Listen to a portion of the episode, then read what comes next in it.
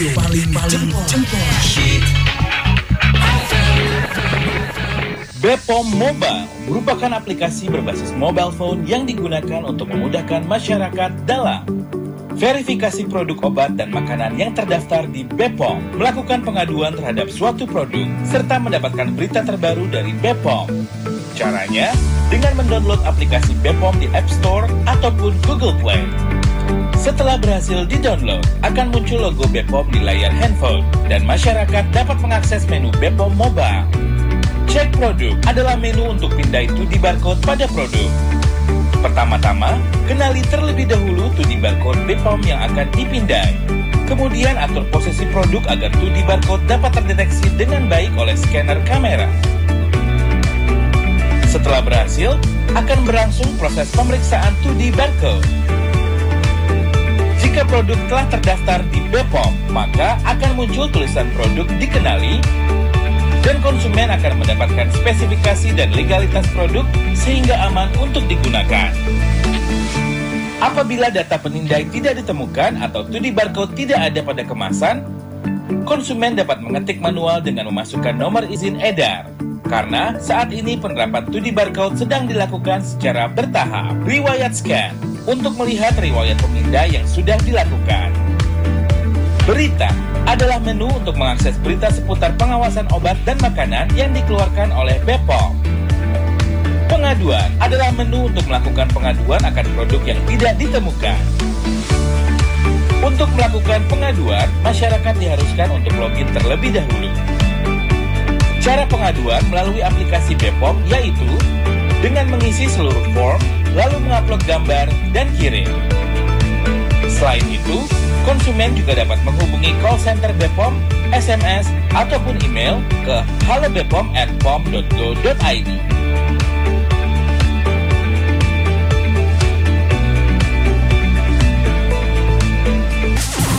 Zip FM 106,9 MHz Radio paling jempolan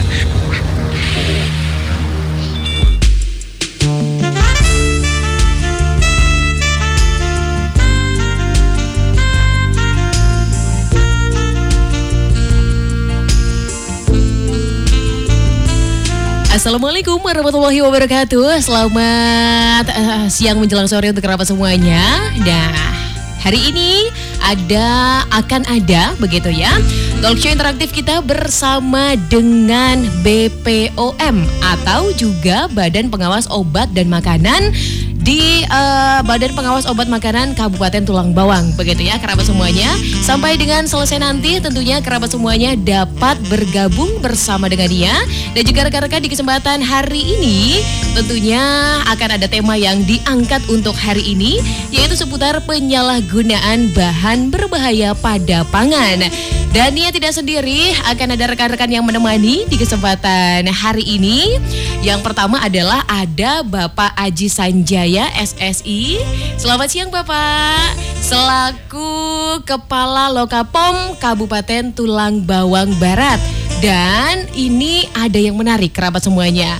Biasanya eh, BPOM ketika hadir begitu kan ya, memang hanya bersama dengan rekan-rekan BPOM, tapi ini bersama dengan rekan yang berbeda tentunya. Ada Pramuka POM BPOM begitulah ya kurang lebih kerabat semuanya bersama dengan eh, rekan Gita Wulandari Pramuka POM dari SMAN 1 Menggala, kemudian juga ada Syabil Ramadan dari Pramuka POM SMAN 3 Menggala, juga ada Nadila dari Pramuka POM SMA Pembina Tulang Bawang. Langsung kita sapa untuk rekan-rekan yang hadir di kesempatan hari ini. Selamat siang. Halo, selamat siang Kak Nia. Apa kabar? Alhamdulillah. Alhamdulillah sehat ya. Bagaimana Bapak Ajis perjalanannya menuju ke Radio Sip FM yang lumayan dari Benggala ya? Ya, tadi luar biasa ya perjalanannya. Tiba-tiba sudah nyampe Mesuji ya. Oh, Ternyata tidur tadi. Kirain menggunakan ilmu apa gitu bukan ya. Bapak sehat ya? Alhamdulillah. Yang lain juga sehat alhamdulillah ya.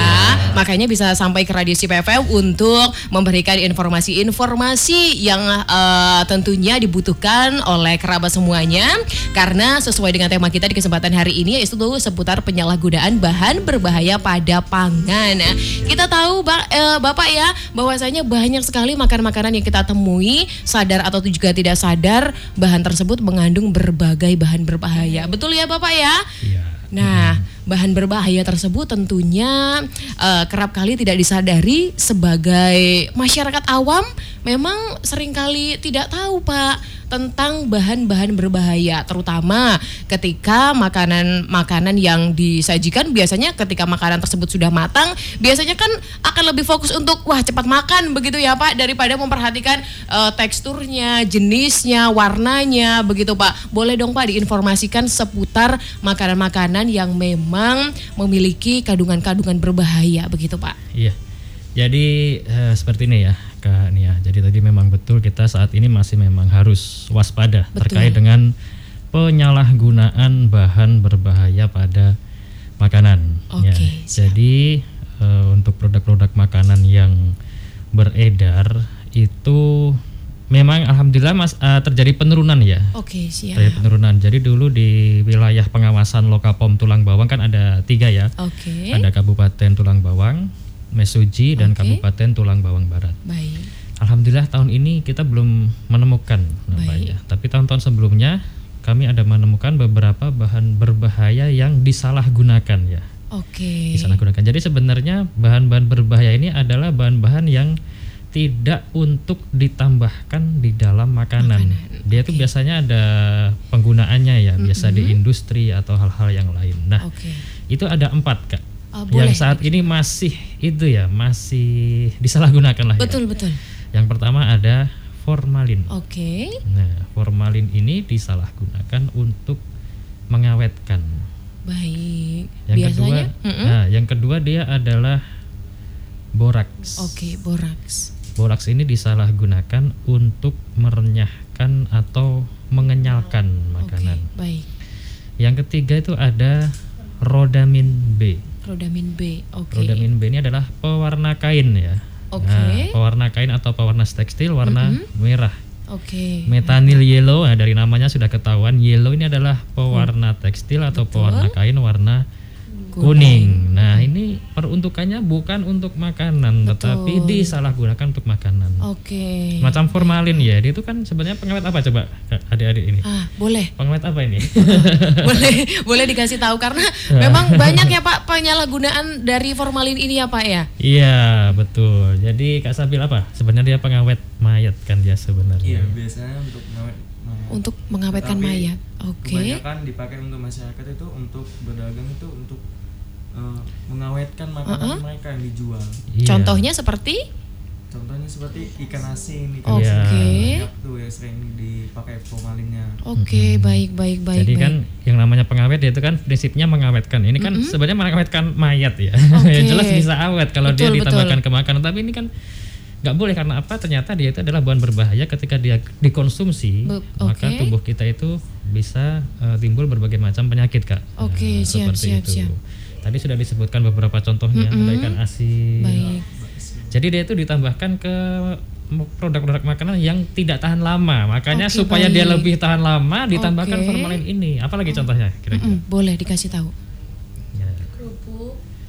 Kalau itu apa? Ya mie basah. Oke, mie basah agar tidak mudah berjamur begitu ya? Iya, Oke, Iya, tidak. Iya, kalau oke. mie basah dia kan kalau kita tahu kalau kita tidak simpan di dalam kulkas, Basi. dia kan cepat basi kan Ah, ya. ah, betul, Nah, betul, makanya betul. ditambahkan Ah, ah. formalin ini Oke, supaya lebih baik, awet. baik, baik. Wah, gitu. cukup berbahaya Pak ya. Iya. Dan ini biasanya masyarakat awam seperti dia juga ini pasti akan tidak teliti Pak, Betul. tidak paham begitu. Nah, untuk mengenali ciri-cirinya ada tidak Pak? Untuk eh, misalkan seperti mie atau juga bakso atau juga eh, ikan asin sepertinya Iya. susah ya kalau ikan asin ya.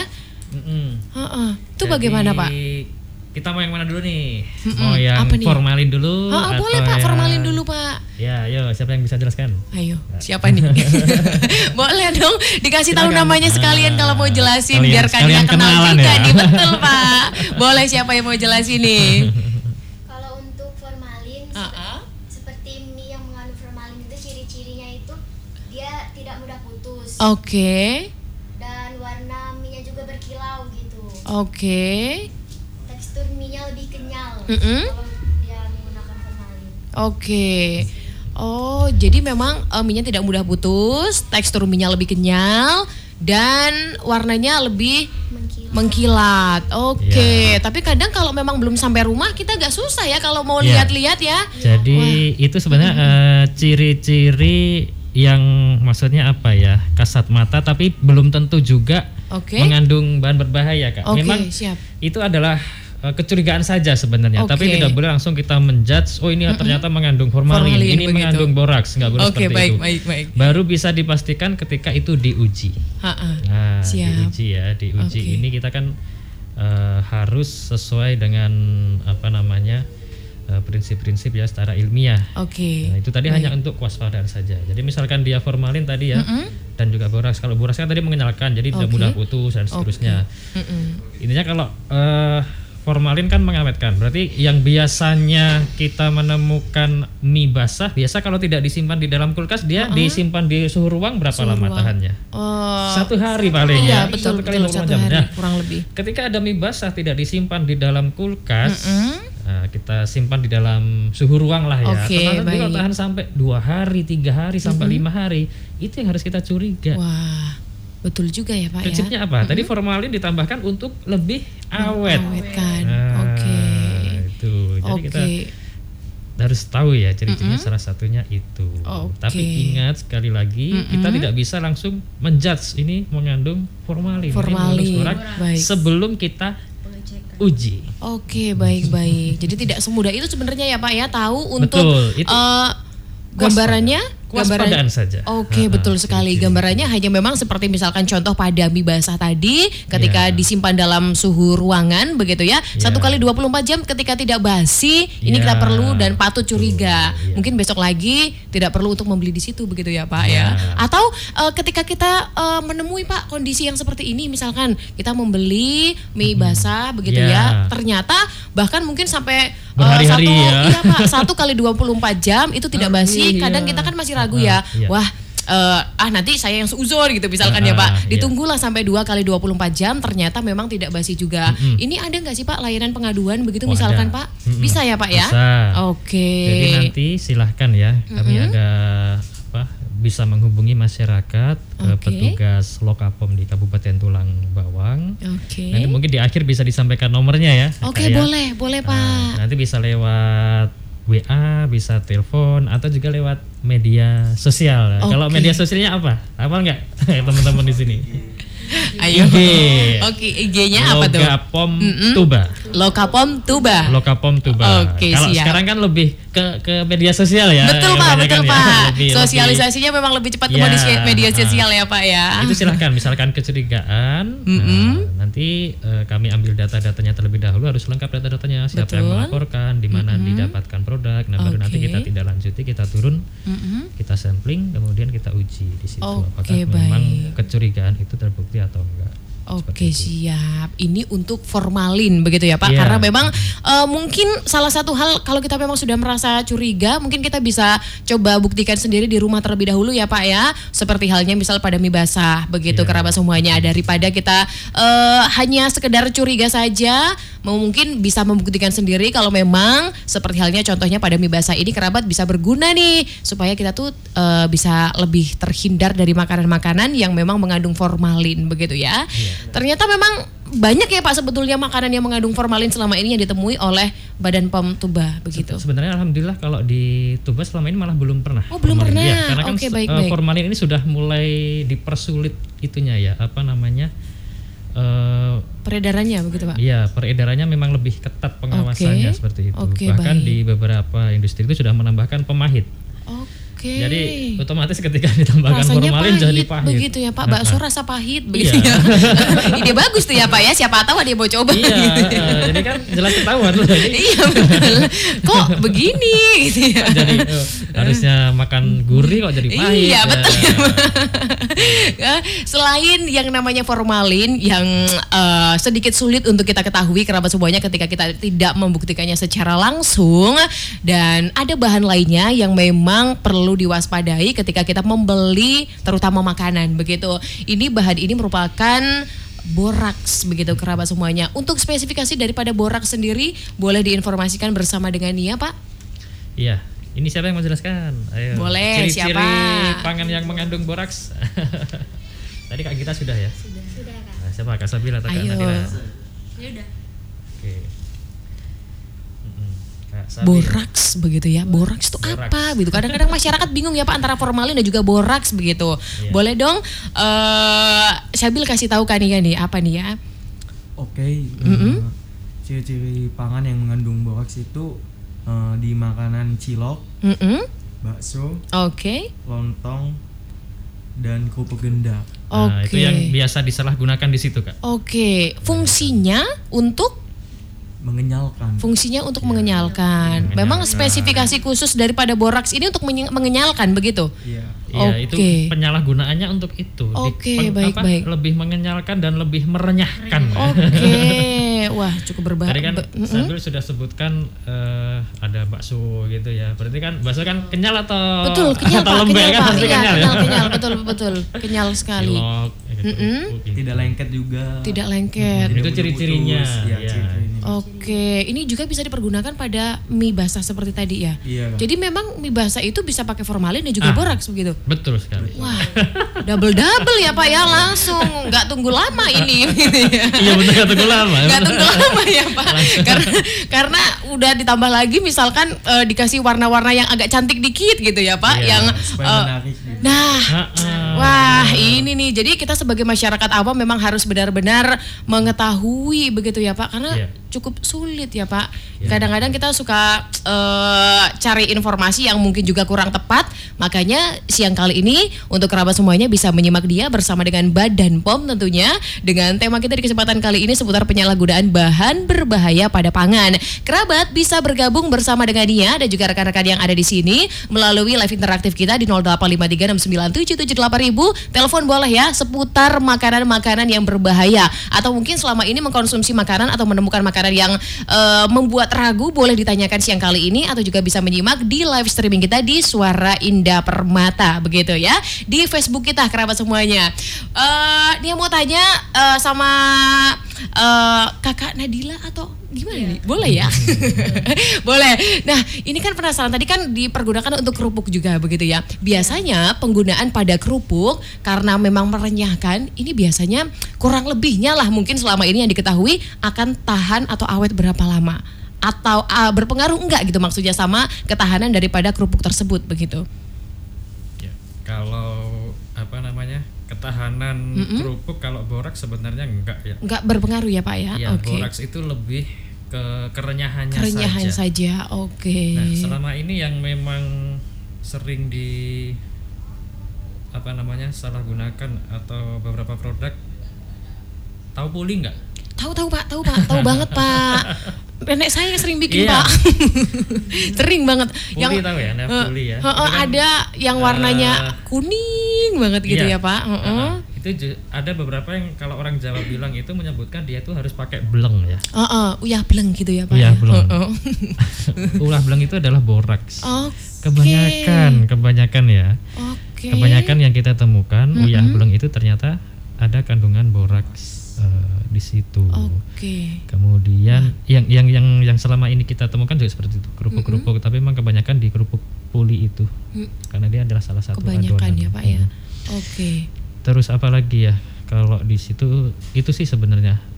Pokoknya dia yang warna kuning. Tadi betul ya Mbak ya, Oh, warna oh, kuning. betul. Kayak Iya, dari Pak. warna kuning bisa disebut dengan beleng. Jadi harus hati-hati juga. Pernah juga kita temukan dia boraks itu dalam bentuk aslinya. Kalau dia dalam bentuk aslinya dia itu berupa serbuk putih gitu. Oke. Serbuk putih eh, bentuknya serbuk lah warna putih ya.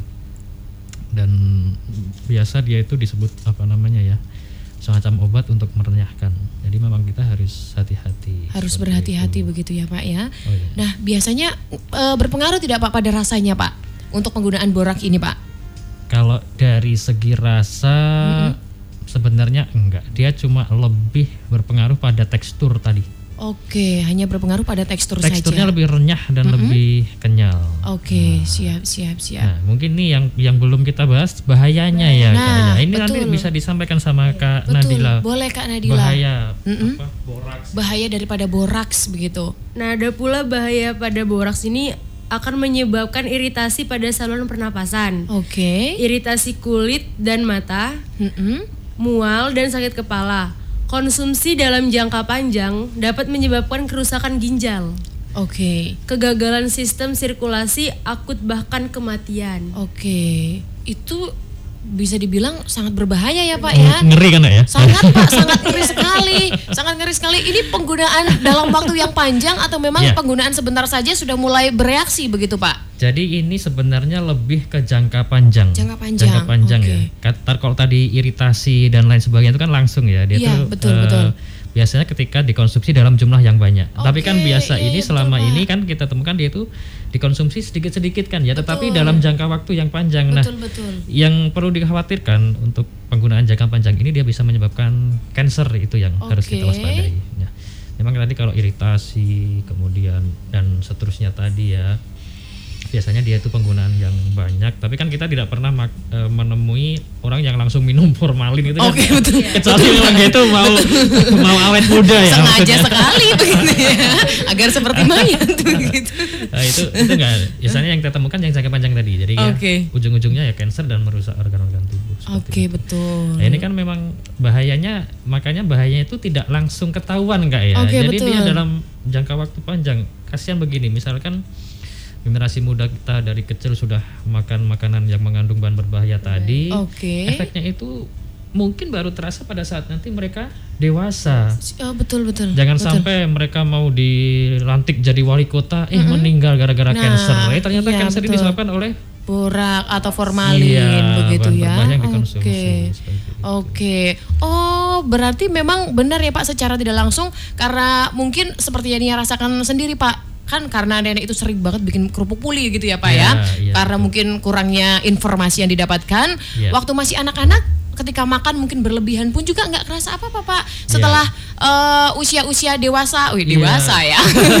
Mulai terasa Pak makan juga nggak gitu banyak kok tenggorokan nggak enak Iya, gitu ya Pak ya. makanya, eh, Oke. kalau dibandingkan dengan ke, ya gini ya, dibandingkan dengan kesehatan orang-orang zaman dahulu yang Betul, masih Pak, betul. mengkonsumsi makanan yang alami itu kan kita masih bisa menemukan perbedaan ya, Kak ya. Betul. Seperti itu ya mungkin salah satu penyebabnya bisa jadi juga dari itu seperti itu. Oke, jadi memang ini loh kerabat semuanya pentingnya untuk memperhatikan.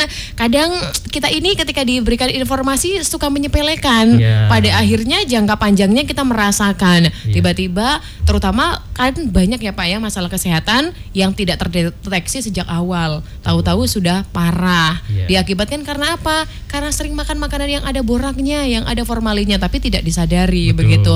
Ini sangat berbahaya kerabat semuanya. Iya. Nah, selain bersama dengan Bapak Aji Sanjaya SSI, dia juga bersama dengan rekan-rekan atau juga kakak-kakak dari eh, Pramuka POM begitu. Setelah ini eh, Kania akan atau juga Nia akan bertanya karena ini menarik. Biasanya sebelum-sebelumnya tidak pernah bersama dengan Pramuka POM begitu ya. Sebenarnya tugasnya apa ya? Ngapain ikut belusukan begitu ya? Jangan-jangan ya. Bolehlah nanti kita akan bertanya-tanya nah kerabat semuanya yang lainnya juga. Yuk tanya bareng sama Nia bersama dengan Bapak Ajis dan juga rekan-rekan dari Pramuka POM di kesempatan hari ini seputar eh, pangan begitu. Apa pun makanan yang pernah dicurigai oleh kerabat semuanya atau mungkin juga pernah bahkan sendiri membuat makanan-makanan yang mengandung bahan-bahan berbahaya. Hmm, ini perlu diedukasi sepertinya ya. Kok bikin makanan berbahaya begitu? Jadi tetap simak Nia untuk talk show interaktif kita di kesempatan hari ini. 106,9 MHz Sip FM Sip FM Radio paling jempolan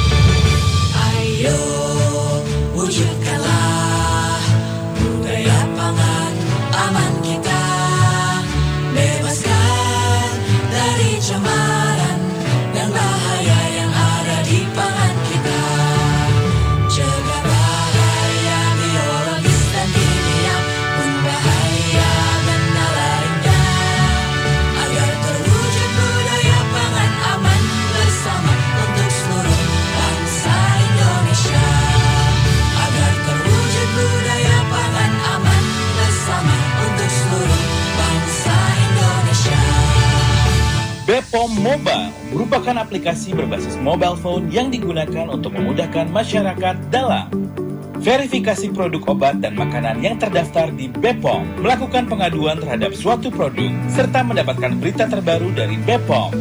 Caranya, dengan mendownload aplikasi Bepom di App Store ataupun Google Play.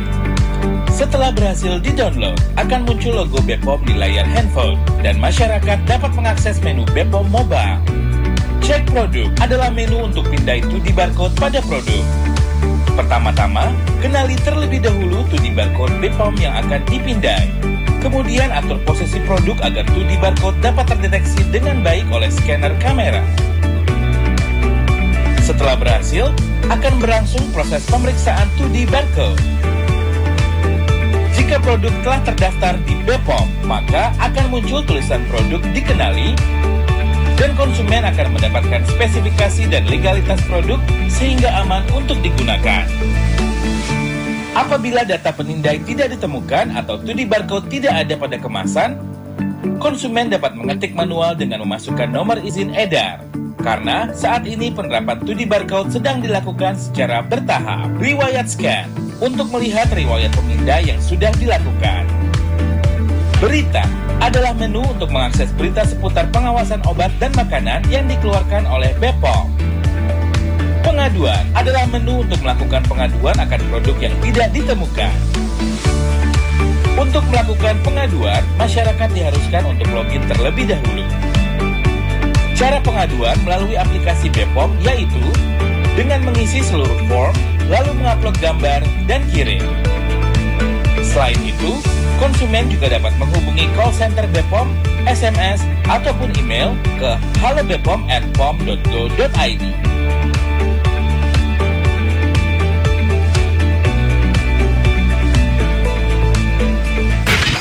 106,9 MHz Sif FM Sif FM Radio paling jempolan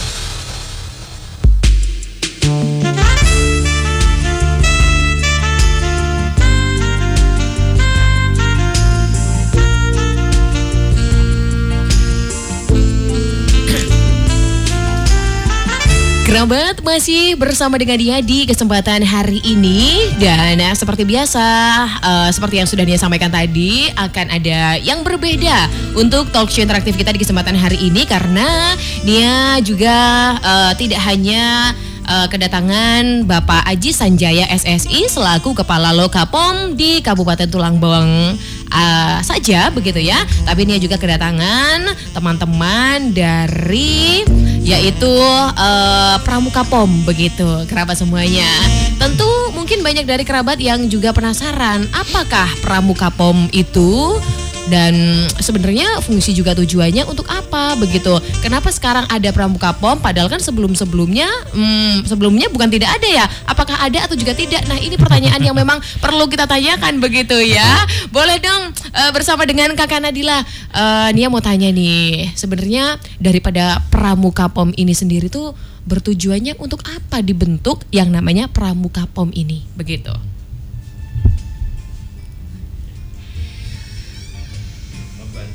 Mm-mm. membantu pengawasan obat dan makanan yang ada di tulang bawang. Oke. Nah, bergabung dengan kami karena untuk itu Kak menyelidiki kan biar kita juga sebagai pramuka mengetahui Oke. Pengawasan obat dan makanan berbahayanya makanan yang dicampurkan ke makanan. Oke, baik. Karena ini eh, baik Kakak Gita, Kak Syabil dan juga Kak Nadila ini kan dari sekolah yang berbeda semua. Iya. Ini Kak eh, Nia juga penasaran nih, kenapa kok bisa langsung menjadi satu di eh, Lokapom Tulang Bawang? Apakah memang eh, Lokapom Tulang Bawang yang datang ke sekolah ke sekolah-sekolah atau memang teman-teman ini yang eh, menawarkan diri ke Lokapom atau Nah, seperti apa nih? ini menarik ya. Penasaran. Penasaran banget soalnya.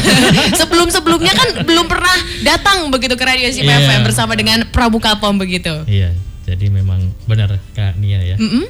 Tadi Kak Nia sampaikan ini kok kayaknya dulu belum pernah ada gitu. Betul Pak. Memang belum pernah ada. Betul karena sudah berkali-kali uh, berjumpa Iya. bersama dengan Lokapom tapi belum pernah uh, bersama dengan Pramuka Pom begitu. Iya, betul. Jadi memang betul Kak ini adalah salah satu program dari Lokapom Tulang Bawang ya. Kak, Oke. ya. Eh, khususnya ini kami ingin membina generasi muda sebenarnya. Oke.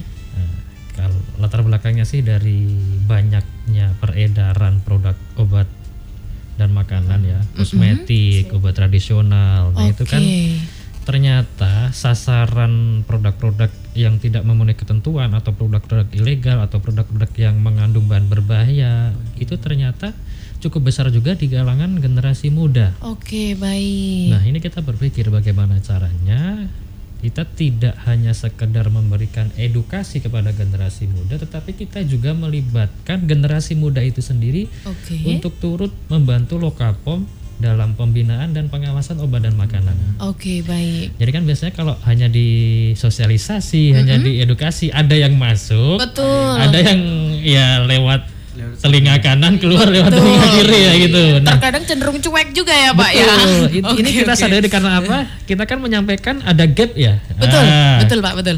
Saya umurnya berapa, adik-adik Betul. umurnya berapa. Nah, Betul. itu kita berpikir bagaimana kalau kita coba melibatkan yang sama-sama generasi muda. Betul. Biasanya ketika seumuran itu mereka akan lebih mudah untuk menerima Oke. informasi dari teman-teman. Ya enggak? Oke.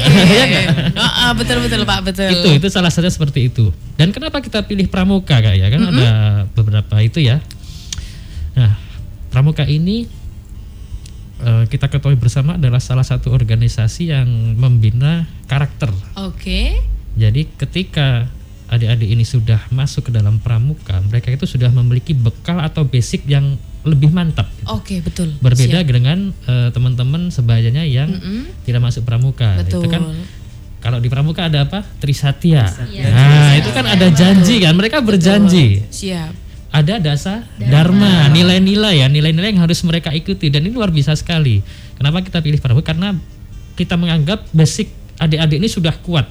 Oke. Mentalnya sudah terbentuk, karakternya sudah bagus. Tinggal kita bina, kita latih untuk bisa membantu kami Lokapom Tulang Bawang untuk melakukan pembinaan dan pengawasan obat dan makanan. Oke, siap. Dan ini kan dari tadi beda-beda Sekolah berbeda, iya. betul. Jadi kami di sini sudah ada dua angkatan. Angkatan Oke. pertama memang dulu kita belum seleksi. Jadi Oke. kita masih ambil berdasarkan eh, apa namanya ya?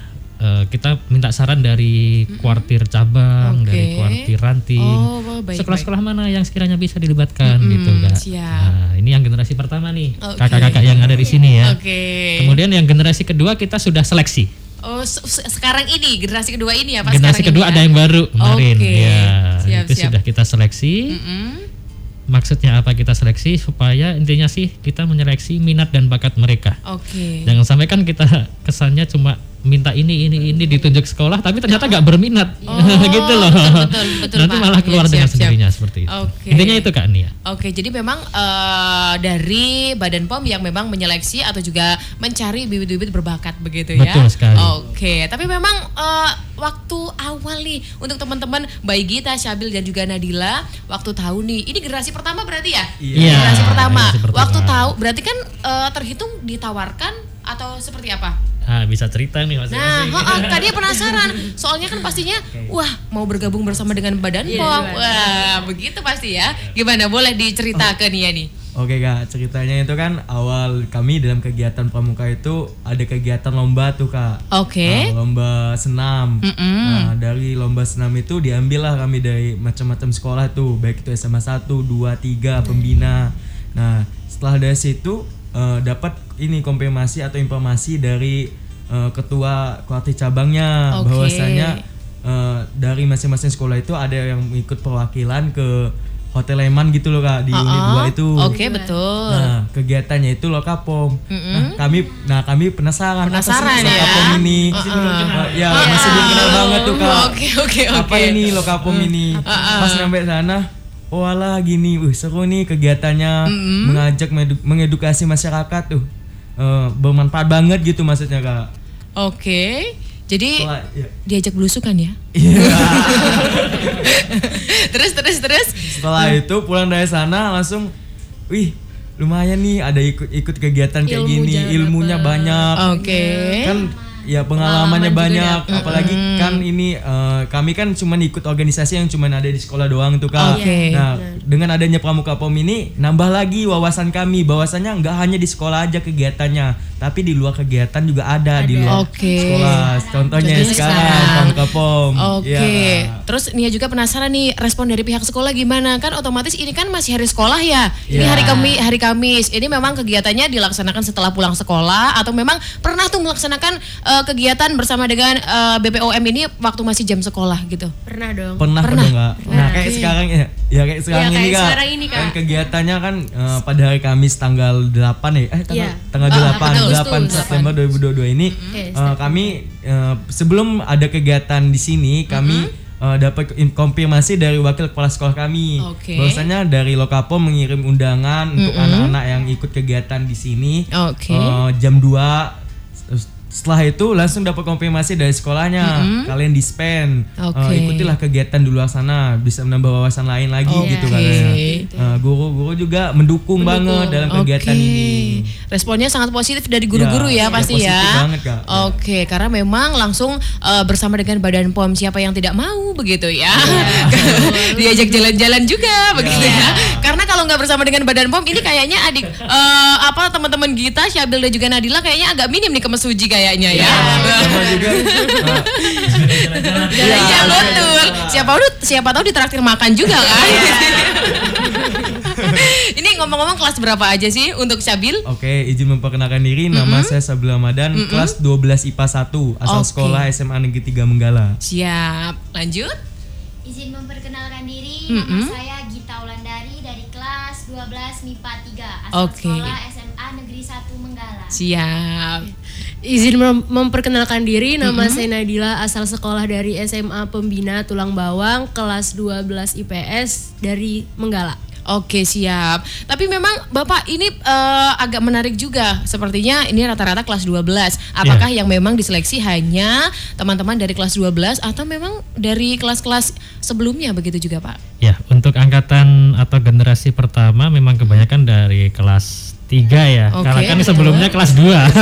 pada saat pada saat teman-teman ini dilantik, mereka ini masih kelas 2, Kelas naik ke dua. kelas 3 ya setelah itu. Oke, Nah, baik. Alhamdulillah di generasi selanjutnya ini kita ambil eh, adik tingkatnya. Jadi Oke. sudah ada di situ. Supaya lebih lama juga ya Pak ya Iya, bergabungnya ya. betul sekali. Oke. Dan juga nanti kan tidak terlalu mengganggu kegiatan eh, adik-adik yang kalau kelas 3 kan sudah itu ya, mau persiapan, mau ujian Jadi nanti kalau eh, tiga eh, tiga eh, teman-teman ini sudah mulai masuk ujian, ganti generasi kedua yang diajak jalan-jalan Iya, begitu ya Pak ya. makanya. Oke, sudah ada backup begitu kerabat kurang lebihnya ya.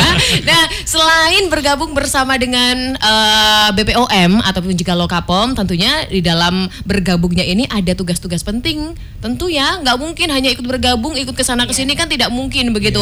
Boleh kasih tahu dia juga untuk apa sih sebenarnya tugas daripada Pramuka Pom ini sendiri?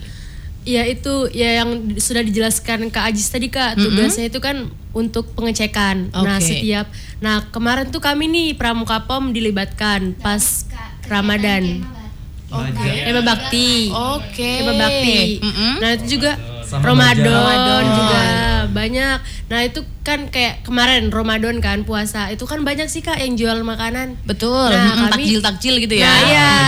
Nah, akhirnya kami dilibatkan karena untuk pengecekan apakah bahaya bahaya atau tidak. Dan alhamdulillah pas kami pengecekan kemarin itu tidak ada yang berbahaya pas bulan Oke. Ramadan. Cuman di saat eh, yang jualan gorengan atau jual Iya. chicken itu kami dikasih kertas tapi kertas, yang nggak berwarna gitu. Nggak ada tintanya supaya makanan itu nggak nempel di kertas itu. Tinta. ya supaya tintanya itu nggak nempel di makanan, itu Makanan. kan Oke. kan tinta kan bahaya juga untuk Betul betul kesehatan. Betul. Karena biasanya kalau kena minyak tintanya akan hilang, Iya, pindah ke makanan begitu ya. Wah, jadi lezat sekali begitu ya.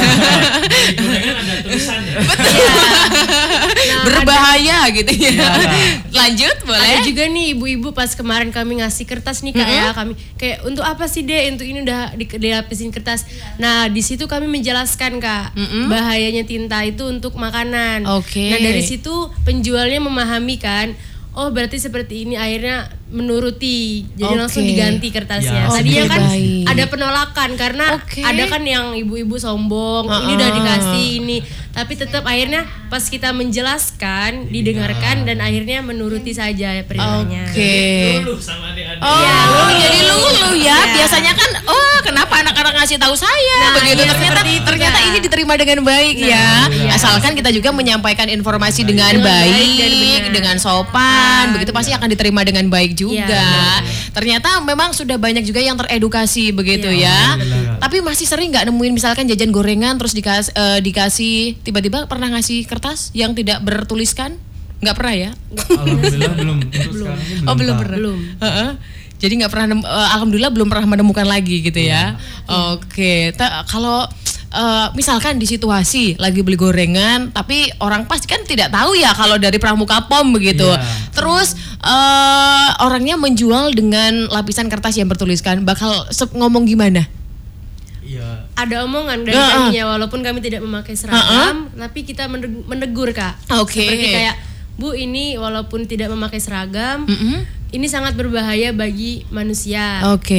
Untuk- Karena kan dia koran kak. Heeh. Jadi kadang kayak gitu. Jadi langsung kayak oh berarti seperti ini ya deh. Iya kak. Jadinya Oke. bahaya banget. Jadi bisa kan diganti sepak- pakai kertas yang polos. Oke, penggunaan kertas yang polos Iya. itu lebih efektif ya, lebih gitu. aman juga ya daripada kertas-kertas yang ada tulisannya. Iya. Karena otomatis itu langsung berpindah loh kerabat, nggak tunggu Iya. waktu lama ya pak ya, Iya. nggak betul Nempel. betul sekali Apalagi langsung nempel. Nah mantap jiwa, apalagi minyaknya berwarna hitam ya. Bukan minyak goreng lagi ya, minyak oli ya. Kayaknya ya Pak ya. Semoga Iya. tidak dicampur ya Pak. Nah, eh, selain begitu kan ya memberikan yang namanya edukasi kepada masyarakat seputar penggunaan kertas yang bertuliskan itu berbahaya bagi makanan. Ini apa saja sih tugas daripada Pramuka POM selama eh, ya juga bergabung bersama dengan Badan eh, Badan POM dan juga untuk masyarakat luas tentunya. Iya. Untuk adik-adik ini kita fokuskan memang yang pertama adalah edukasi ya. Oke. Ya, edukasi minimal kepada diri sendiri adalah diri sendiri Oke. dulu. Diri sendiri eh, nanti kalau diri sendiri sudah bisa menerapkan prinsip-prinsip eh, terkait dengan keamanan obat dan makanan, teman-teman ini diharapkan mampu ke temannya. Oke, baik. Kita nggak usah muluk-muluk lah ya. Betul. Yang penting ke teman, kemudian ke keluarga. Nah, Oke. kalau sudah bisa semua itu baru nanti ke masyarakat. Oke, Nah, seperti baik. itu. Kalau kata anak gaul satu circle dulu ya Pak, Iya, gitu ya. Oke, ya, ya, ya, ya, ya, ya, ya. Jangan sampai kita muluk-muluk tetapi eh, teman kita sendiri belum, keluarga Nah, itu kita sendiri tadi. belum. Nah, Temennya makan gorengan pakai kertas koran begitu Iya, ya.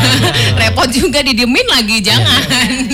yang Tapi- jelas Mm-mm. dari diri sendiri dulu itu yang Betul. kita tekankan. Baik. Nah, paling tidak mereka ini bisa menjadi contoh bagi teman-teman ya dan juga bagi keluarganya.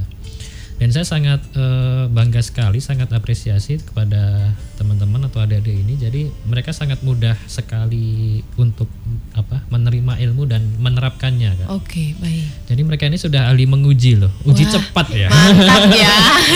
Mantap. Ini kira-kira setelah lulus bisakah bergabung dengan Badan POM? Ini udah Mau jadi medianya nih dia nih. Maunya ya dari itu ya.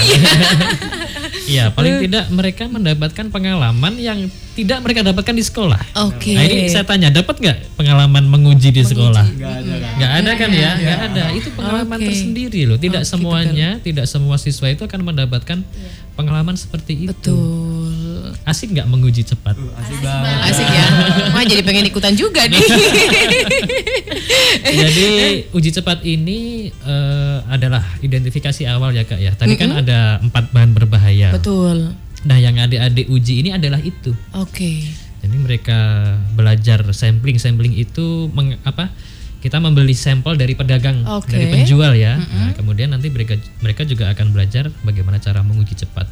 Uji cepat ini cepat hasilnya dia bisa langsung didapatkan pada saat itu juga. Oke. Itu untuk identifikasi. Nah ini kan eh, memberikan mereka pengalaman yang aplikatif, yang langsung gitu ya, yang Oke. langsung turun ke lapangan. Tadi benar kakak bilang Heeh. Belusukan, belusukan. Oh ya. Tapi walaupun belusukannya masih di sekitar Menggala. masih aman ya, masih aman. Ya. tapi tapi ngomong-ngomong Pak pernah eh, pernah nggak Pak eh, misalkan pernah eh, sedikit mencurigai lah ya jenis makanan kok sepertinya ini mengandung bahan-bahan berbahaya Ya. begitu. Dibeli langsung diuji coba begitu Pak. Iya. Langsung begitu ya Pak Iya, ya? iya. Jadi Oke. memang kami secara rutin ada kegiatan uji cepat Mm-mm. eh, bahan berbahaya yang disalahgunakan pada pangan. Itu Oke. secara rutin ada. Oke baik. Nah, kemudian selain rutin kita juga ada intensifikasi namanya. Intensifikasi. Intensifikasi ini biasanya tadi sudah disampaikan sama Kak Nadila di bulan Ramadan ya. Itu Iya. namanya intensifikasi karena apa? Biasanya di bulan Ramadan banyak bermunculan makanan-makanan tadi takjil. Ya, dia itu kan sebelumnya nggak muncul tiba-tiba Muncul, banyak. Nah, banyak, ini kita betul. harus intens untuk memeriksa. Oh, oh, nah, betul. Walaupun kita secara rutin itu sudah ada. Oke. Nah, itu Ditambah kita intens. kalau puasa biasanya hilap mata ya Pak, pengen Wah, semua iya, dibeli. bener. Nah, lapar Wah, mata gitu ya. Iya betul. Wah ini warnanya cantik sekali, Iya, saya beli semua betul. saja begitu ya. Biasanya cenderung seperti itu ya Pak Iya, ya. Padahal Eh, minum sedikit, makan sedikit sudah kenyang. Sudah sangat kenyang. Ditambah kalau yang manis-manis ya Pak ya. Iya. Tapi ngomong-ngomong apa sih Pak yang sering kali ditemui kalau mungkin eh, seperti formalin, Iya. banyak sekali mungkin contohnya mie, mie basah. Untuk borak sering kali yang dijumpai adalah kerupuk. Nah, untuk makanan-makanan berwarna ini yang kerap Iya. kali ditemui oleh Badan POM ini jenis makanan apa Pak? Iya, jadi kalau selama ini yang beberapa waktu yang lalu, beberapa tahun yang lalu juga masih sering ditemukan itu adalah eh, rodamin B ya, rodamin B yang ditambahkan atau disalahgunakan pada makanan yang banyak ditemukan dulu apa namanya? Eh, yang bulat-bulat itu apa ya namanya ya? Cendol. Bukan cendol, mutiara.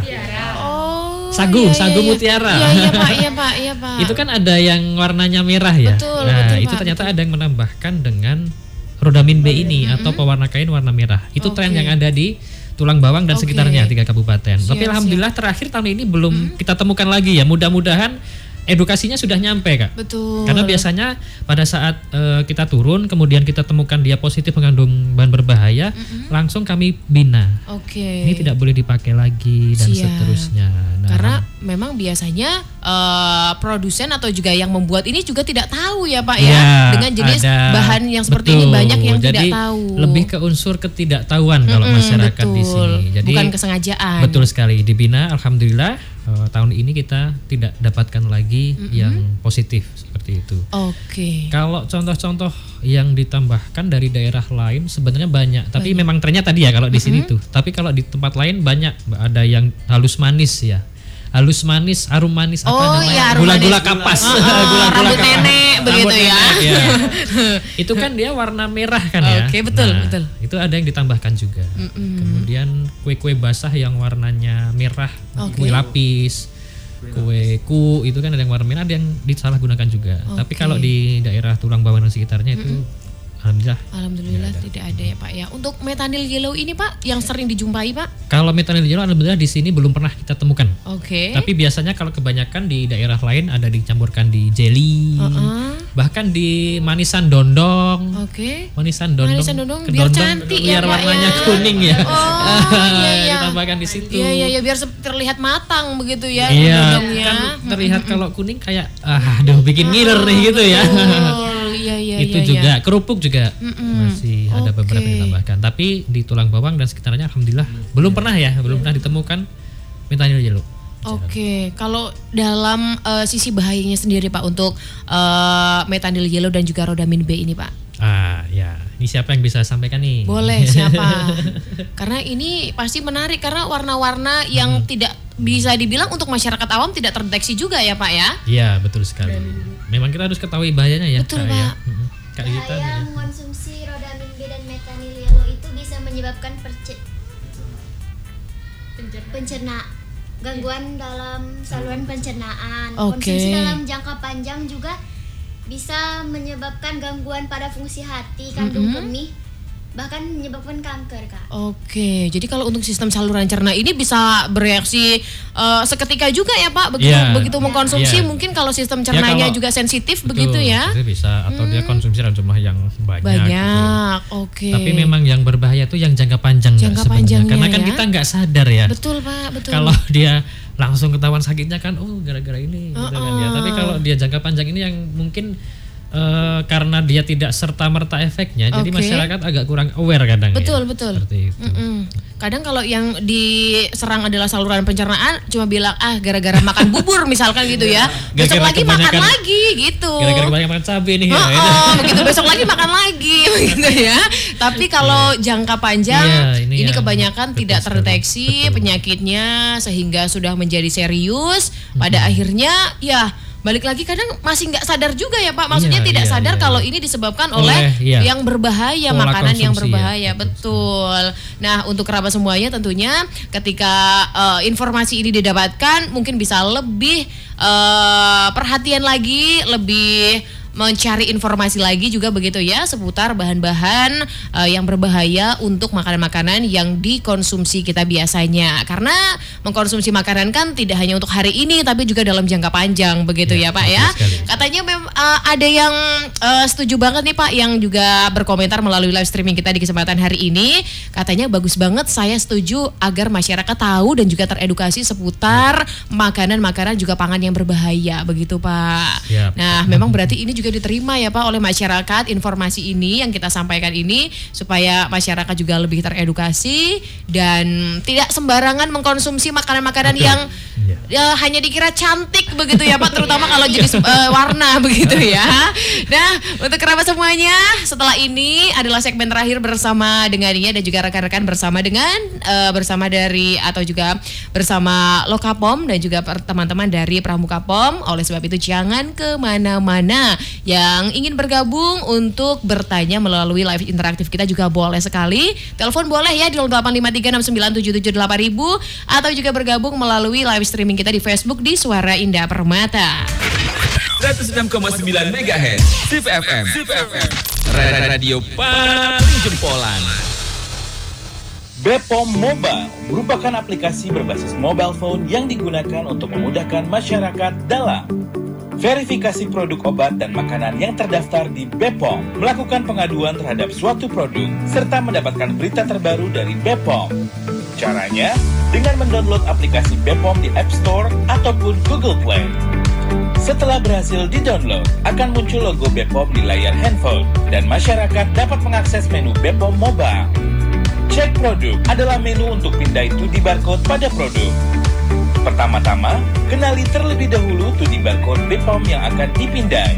Kemudian atur posisi produk agar 2D barcode dapat terdeteksi dengan baik oleh scanner kamera. Setelah berhasil, akan berlangsung proses pemeriksaan 2D barcode.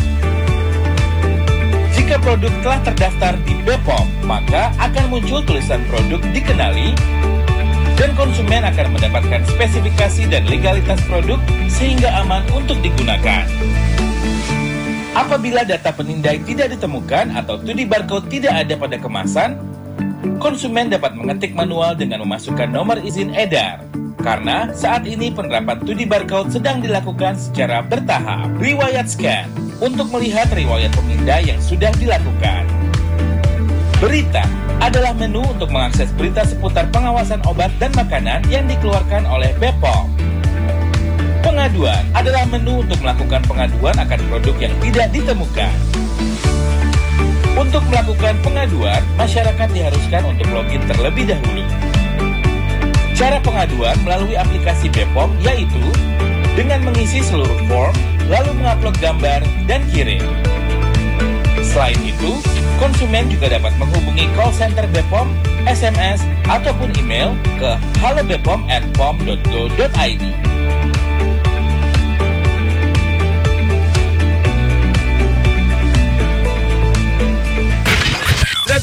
sembilan MHz Sip FM. Sip FM. Radio paling jempolan.